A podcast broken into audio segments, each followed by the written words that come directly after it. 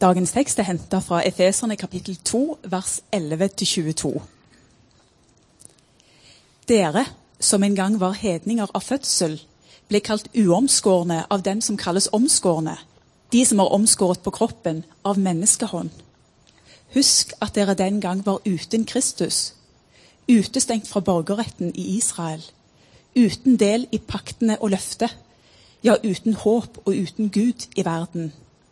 Men nå i Kristus Jesus er dere som var langt borte, kommet nær på grunn av Kristi blod.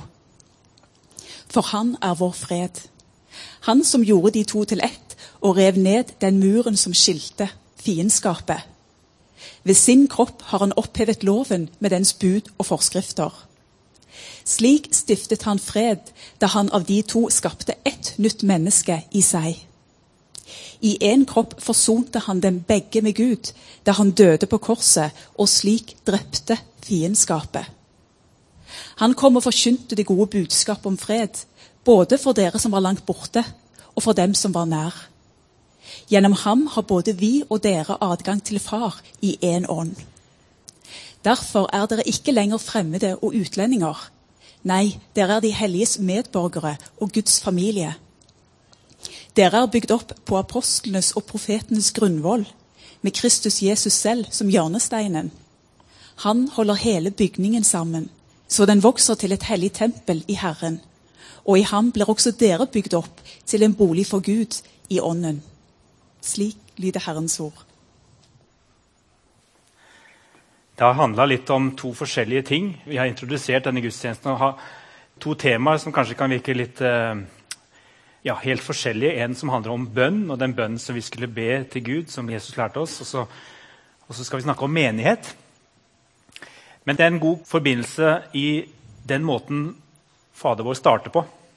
For den kunne jo ha starta helt annerledes.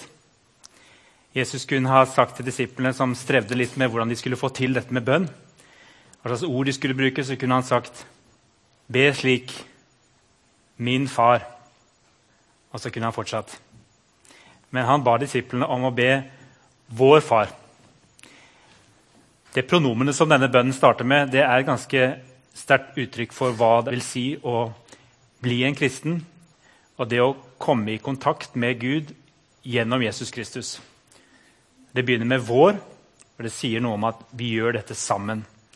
Selv om vi kan be denne bønnen hver for oss, så gjør vi det hver gang vi ber, som en påminnelse om at vi er sammen med andre i vårt fellesskap, i vår kontakt med Gud i Jesus Kristus.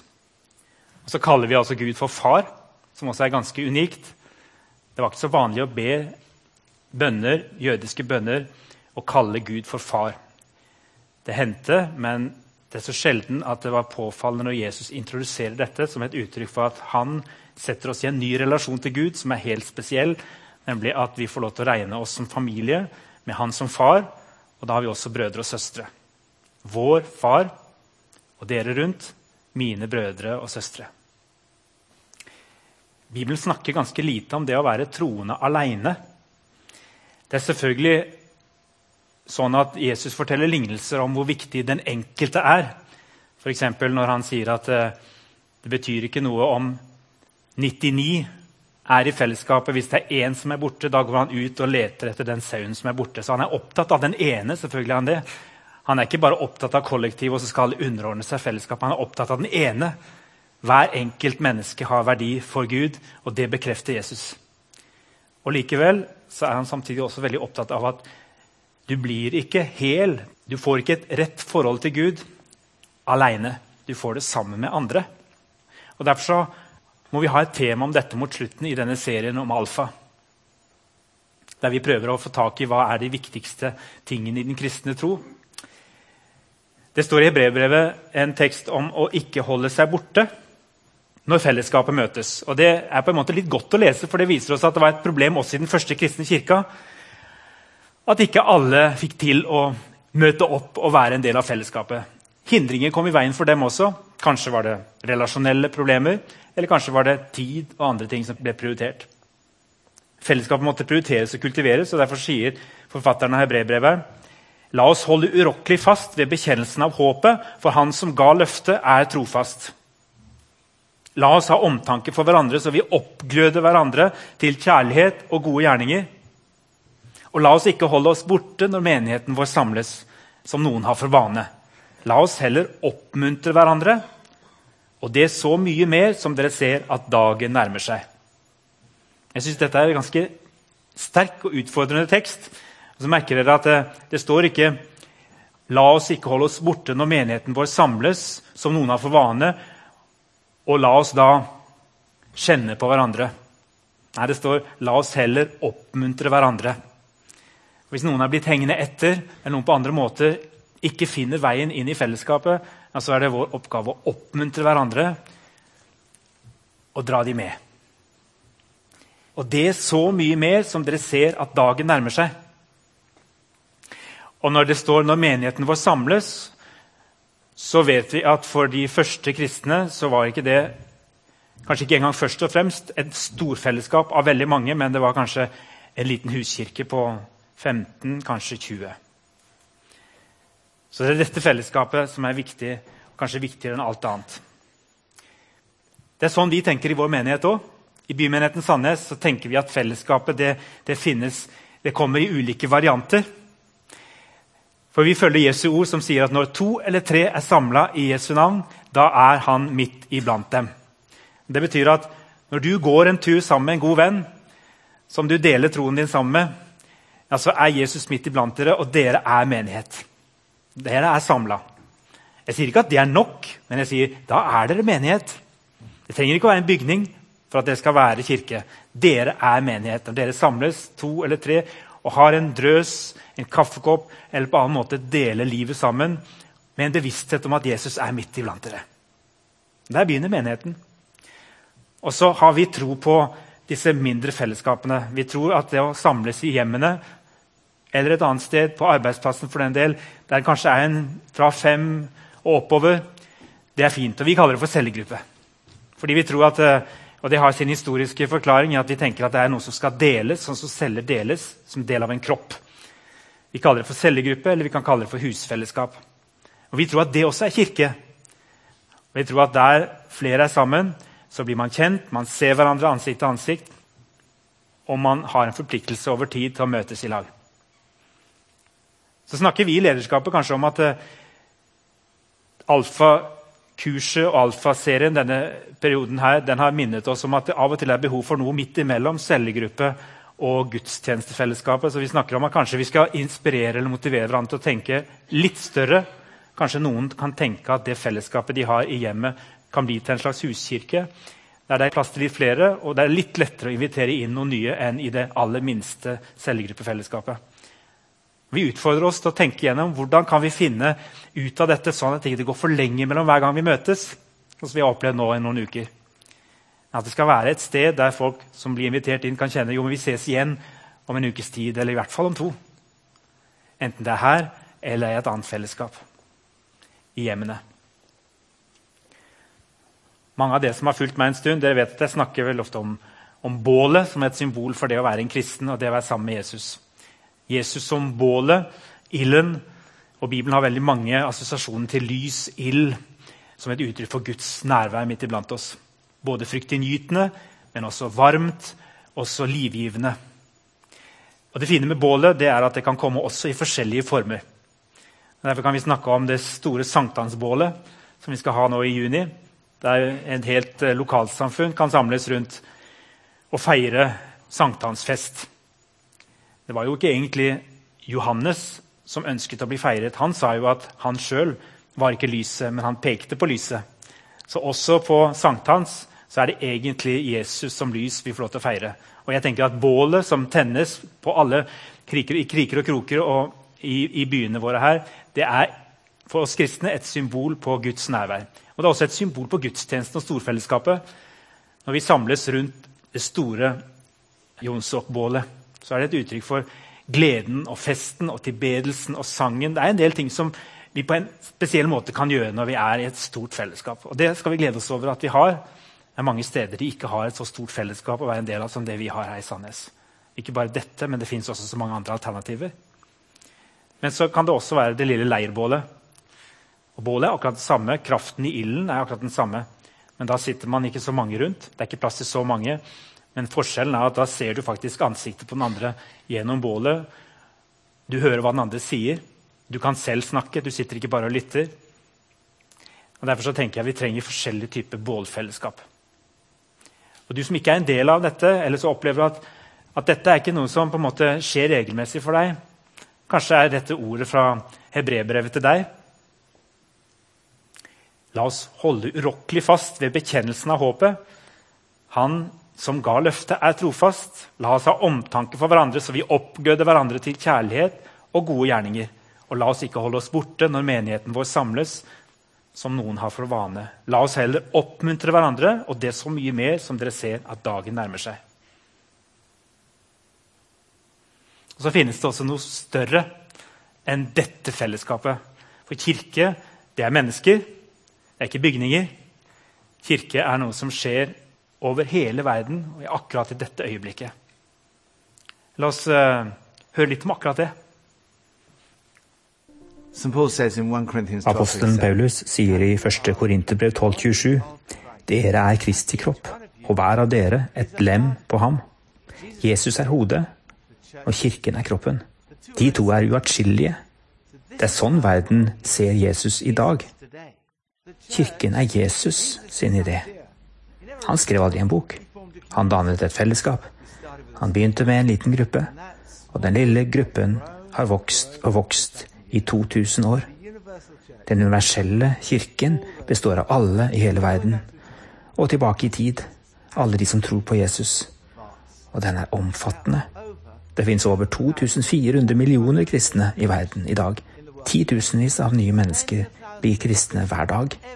Kirken i Vest-Europa har minket i antall, men det er ikke representativt for det som skjer globalt.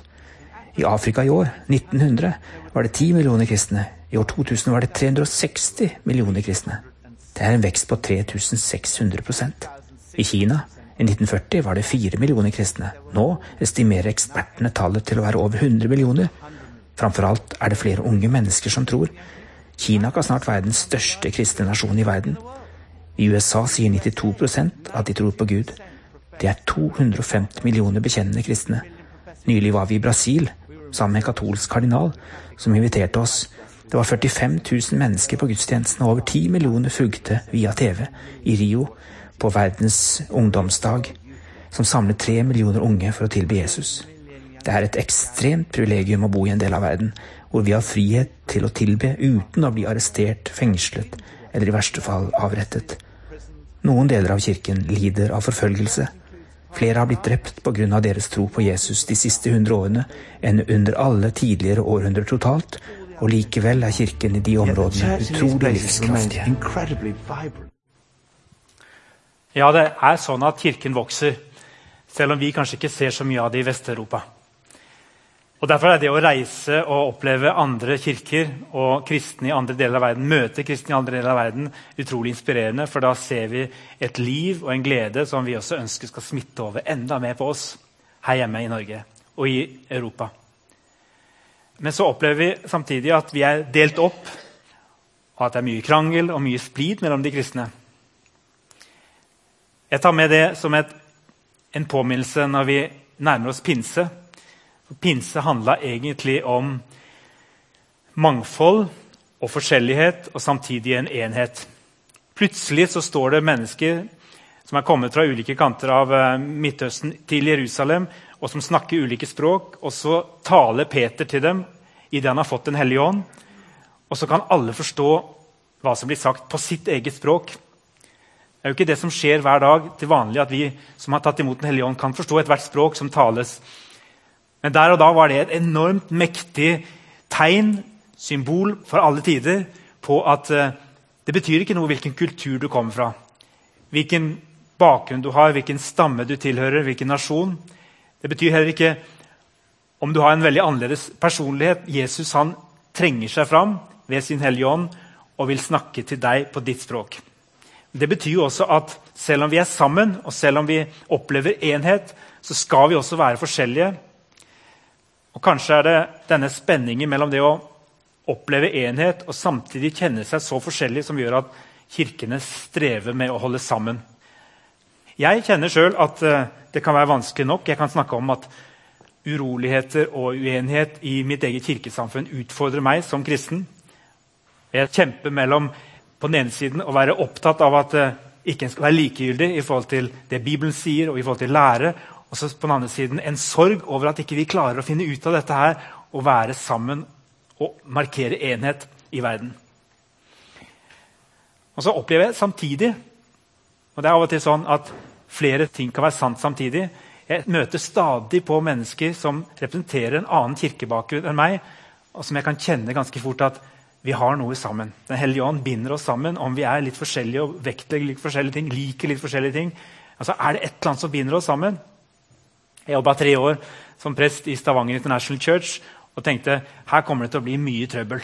For Her var det 40 forskjellige nasjoner samla, og jeg telte minst ti forskjellige kirkesamfunn. Der var det både ortodokse, katolikker, pinsevenner, baptister, lutheranere som hadde kommet til Stavanger og som hadde funnet seg et fellesskap der det egentlig var sånn at det viktigste var at de helst ville ha gudstjenesten på engelsk. Men jeg opplevde en forunderlig enhet og en holdning som jeg har prøvd å ta med meg seinere, som gikk på at når alle var innstilt på at dette ikke helt var deres hjemmearena De var alle sammen på et eller annet vis på bortebane. De hadde reist til Stavanger fra et eller annet land i verden. De visste at de aldri kunne finne et sted som var helt hjemme. Og Så gikk de da ut av sin egen komfortsone oppsøkte et fellesskap. Og da la de vekk noen av sine kjepphester, og så samlet vi oss i et fellesskap. Og Jeg har egentlig aldri opplevd så mye enhet og så mye varme og så mye familiefølelse som de tre årene i Stavanger International Church. Selv om vi kom fra så mange forskjellige kirkebakgrunner. Og jeg opplevde ofte at det å være der, det var å kjenne en smak av himmel. Jeg tror det er sånn det skal bli. Vi ser på det neste klippet. So we are the body. Så vi er Kristi kropp. Vi ønsker ikke å være delt. Tragisk nok har kirka blitt splitta mye gjennom årene.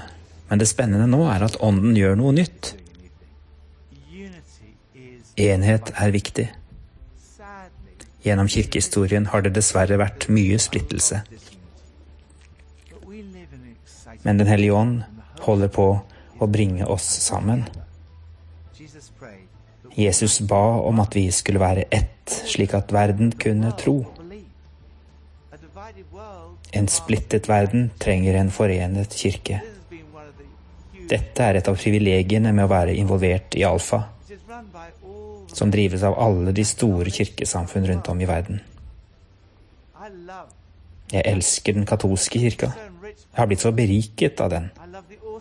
Jeg elsker den ortodokse kirka og den protestantiske kirken. Jeg elsker pinsebevegelsen. Vi er alle deler av samme kropp. Vi er alle én Jesus. Så uendelig mye mer forener oss enn det som skiller oss. Enhet og sannhet er ikke motsetninger. De går hånd i hånd. Jeg har ikke hele sannheten. Ingen har det. Bare sammen ser vi Han som er sannheten, klarer det. Jesus er sannheten, og vi trenger hverandre. Pave Prans. Queridos hermanos, Kjære brødre og søstre, splittelse er et sår. Et sår på kroppen som Kristi kirke er. Og vi vil ikke at såret skal forbli åpent. Jeg vil gjerne si noe som kan virke kontroversielt, eller til og med irrasjonelt, kanskje. Men det er noen som vet at eh, vi til tross for våre forskjeller hører sammen. Og det er han som forfølger oss, han som forfølger kristne i dag. Han vet at kristne er Jesu disipler, at de hører sammen, at de er søsken. Han bryr seg ikke om de er evangeliske, ortodokse, lutheranere, katolikker. Han bryr seg ikke. De er kristne, og blodet fra martyrene forener. Enheten den er en trussel for vår felles fiende, djevelen. Han ønsker for enhver pris å dra oss fra hverandre. Helt fra det lille fellesskapet på to til tre, til cellegruppa, til huskirke, til gudstjenestefellesskapet, til den kristne kirke i Norge og i verden. Det er det han arbeider på hele tiden. Vær oppmerksom på hans arbeid, og la oss stå sammen og be om enhet. Det betyr ikke enighet, men det betyr en bevissthet om at vi hører sammen i Jesus Kristus. På en måte så handla dette litt om skilsmisse. Skilsmisse som vi har opplevd gjennom kirkens historie altfor mange ganger. Bibelen snakker om menigheten som et ekteskap. Forholdet mellom Jesus og menigheten er som ekteskapet. Det er den analogien som Paulus bruker. Kirken og Jesus sammenlignes med ekteskapet. Det er en kjærlighetsaffære. Paulus sier i brevet til Efeserne kapittel 5.: Dere menn, elsk deres koner slik som Kristus har elsket menigheten og ofret seg for den. Og Så fortsetter han videre, snakker om ekteskap. Men han sier, 'Jeg snakker ikke egentlig om ekteskapet.' 'Dette er et stort mysterium, og jeg snakker om Kristus og Kirken.' Ekteskapet er altså en analogi for forholdet mellom oss og Jesus. Ekteskapet seg selv er viktig, men ikke det aller viktigste. I Det nye testamentet møter vi Jesus som ikke var gift, og Paulus som ikke var gift. og Paulus gir ofte uttrykk for at det er mange fordeler med å være singel. Men menigheten, fellesskapet, det er ikke et valg for den som er kristen.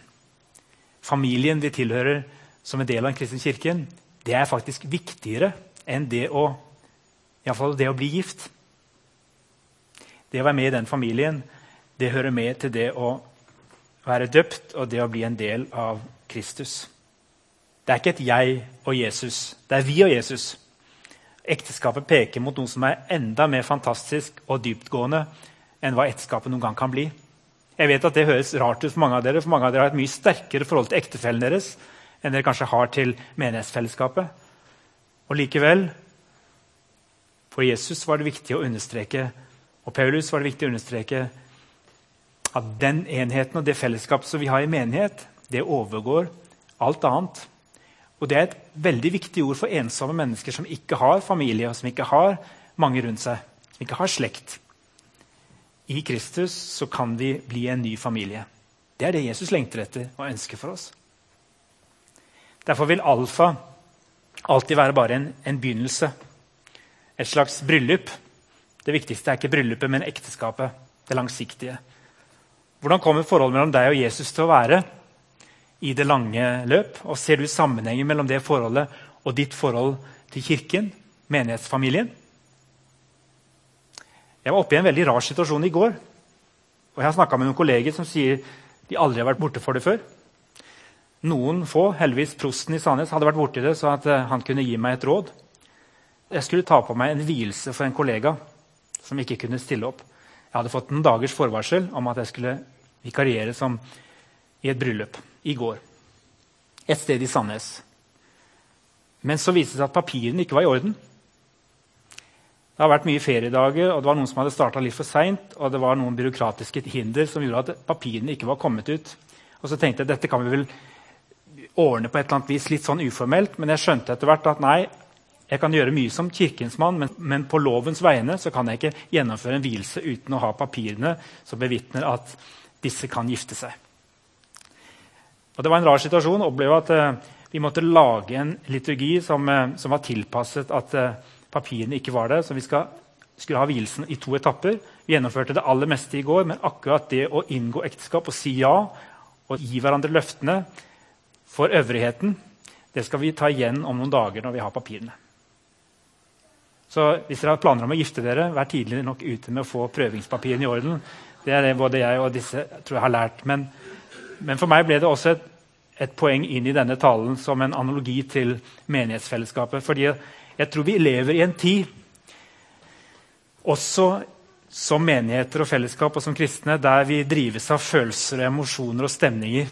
Og der det er veldig lett å si ja, Det er veldig mange unge i dag som lærer meg at, eh, om idealisme, og som sier vi har lyst til å forandre verden. Og Ofte så er det å motivere mennesker, unge mennesker til å delta i, i kristne aktiviteter eller kristne fellesskap handler veldig mye om å fortelle dem at du kan være med å forandre verden. Vær med på noe stort. Du kan reise til en annen del av verden, du kan reise på team, du kan være med på store ting. Men så opplever vi også en annen trend. Og det er at de kan si 'Jeg vil gjerne være med på det!' Eh, hvis det passer med andre ting. Ja, det hørtes kjekt ut! Men jeg hadde visst noe annet i planen. Og det er ikke bare unge mennesker som kan ha det sånn. Vi kan ha det sånn, mange av oss. Vi drives liksom litt fra det ene til det andre.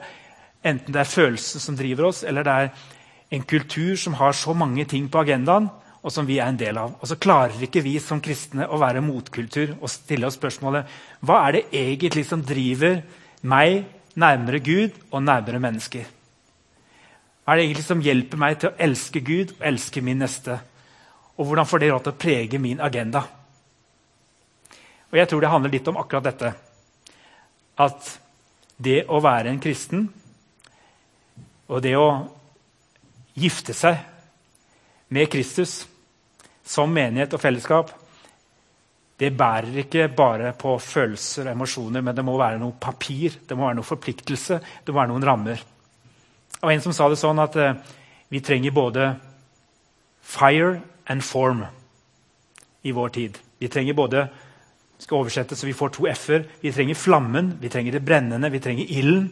Men vi trenger også en form denne ilden skal være i. Og formen, det er menighet. Det kan høres gammeldags ut. Trenger vi det, da? Kan ikke vi liksom bare flyte litt rundt og være litt her og der? Men det er på samme måte med ekteskapet. Det trenger en fast forpliktelse, det trenger rammer for at det skal holde i både gode og onde dager. Det inviteres vi alle sammen inn i. Et fellesskap, en familie, som skal få lov til å bruse av følelser på gode dager, men som skal vite at den hviler i en større forpliktelse. Først og fremst i at Jesus har innstifta dette fellesskapet. Det er han som bærer det. Og vi skal få respondere på hans betingelsesløse kjærlighet. Det viktigste vi har forsøkt å formidle gjennom eh, dette alfasemesteret, det er at Jesus elsker deg. Jesus døde for deg, han ga seg selv for deg. Selv om du hadde vært det eneste mennesket i verden, så hadde Jesus dødd for deg. Dette er essensen i den kristne tro. Gud elsker deg betingelsesløst, helhjertet og med en kjærlighet som består. Som ikke er bygget på skiftende følelser og stemninger, men som er mer slitesterk og holdbar enn livet selv. For dette er en kjærlighet som bærer også gjennom døden. når livet slutter. Så Kirka burde jo være kjent for sin kjærlighet og sin lengsel etter fellesskap mellom mennesker av alle slag. På menighetsfesten vi hadde for noen uker siden, så fikk vi et lite vitnesbyrd av Lillian, som har vært med på alfakurset dette semesteret. Også, også på sin eh, treffende måte så, så hun utover forsamlingen så sa hun, jeg tror de, veldig mange av dere har ganske mange rundt dere. Ser ut som dere har mange venner. Så sa han, for meg har alfa vært viktig fordi jeg ikke hadde så mange. Jeg kjente at det var utfordrende til oss som fellesskap å tenke hvor mange mennesker er det ikke i Sandnes som ikke har så mange? Og hvem er vi menighet for? Noen av oss trenger alfa, men alfa har en fortsettelse. og I vår menighet heter det cellegrupper eller kanskje huskirke. Menighetsfellesskapet i ulike former. Ingen i vår menighet skal behøve å gå lenge uten. Forskjellen mellom storfellesskapet og det mindre gjør at de trenger begge deler. Vi er ikke først og fremst en bygning, men vi er levende templer for Den hellige ånd. Vi ser på det siste videoklippet. Det er det kirken handler om. Den er ikke et museum for perfekte mennesker. Den er som et sykehus som tar imot oss når vi er ødelagte, når vi er såret og skadet, og elsker oss tilbake til livet. Denne ubetingede kjærligheten bryter ned barrierer. Den hjelper folk opp igjen. Den helbreder og gjenoppretter. Å være kristen betyr å tilhøre Kirken. Du går ikke i kirka. Du er kirka. Et fellesskap av venner, av brødre og søstre i Kristus. Og kirka er ditt hjem. Kirken er Jesus, Kristi kropp i denne verden. Og kirken er kjærlighet, Kristi brud. Vi ønsker å oppmuntre deg nå når alfa nærmer seg slutten, til å bli involvert der du er dette har vært et utrolig eventyr, men det er bare begynnelsen. Så det handler om kjærlighet. Evig kjærlighet. Du er elsket av Gud. Og hvis du ikke husker noe annet for hele semesteret, så er det dette. Gud elsker deg. Du er Guds barn. Guds ånd bor i deg. Han gjør ikke forskjell på folk, men flytter inn hos alle som inviterer ham. Du har det mektigste budskapet i verden med deg, inni deg. Du har han med deg overalt hvor du går. Det er et budskap som forvandler livet når du slipper det til. Det er et budskap som gir livet en mening og en større hensikt. Du kan gjøre en forskjell, men vi kan ikke klare det på egen hånd. Mor Teresa har sagt 'Jeg kan gjøre det du ikke kan'. Du kan gjøre det jeg ikke kan. Sammen kan vi gjøre gode ting. Og det kan ikke ha vært tilfeldig at Liverpool vant Mesterligaen i går kveld når de har denne fantastiske sangen 'You'll Never Walk Alone'. Den burde vi egentlig hatt som menighetens sang, ikke Liverpools sang. 'You'll Never Walk Alone'. Skal vi be. Kjære Jesus, jeg takker deg for eh, det du lærer oss, det vi kan vokse og forstå stadig mer av etter hvert som vi går sammen med deg i fellesskapet. Jeg ber om at ingen skal behøve å gå alene hvis de ønsker å ha noen rundt seg. Jeg ber om at vi kan eh, kjenne smaken av himmel også i vår menighet. Vi er ikke perfekte. Vi får det ikke alltid til. Men vi ber, Herre, om at du fortsetter å forme oss i ditt bilde. Du som er vår far, Herre og Frelser. Amen.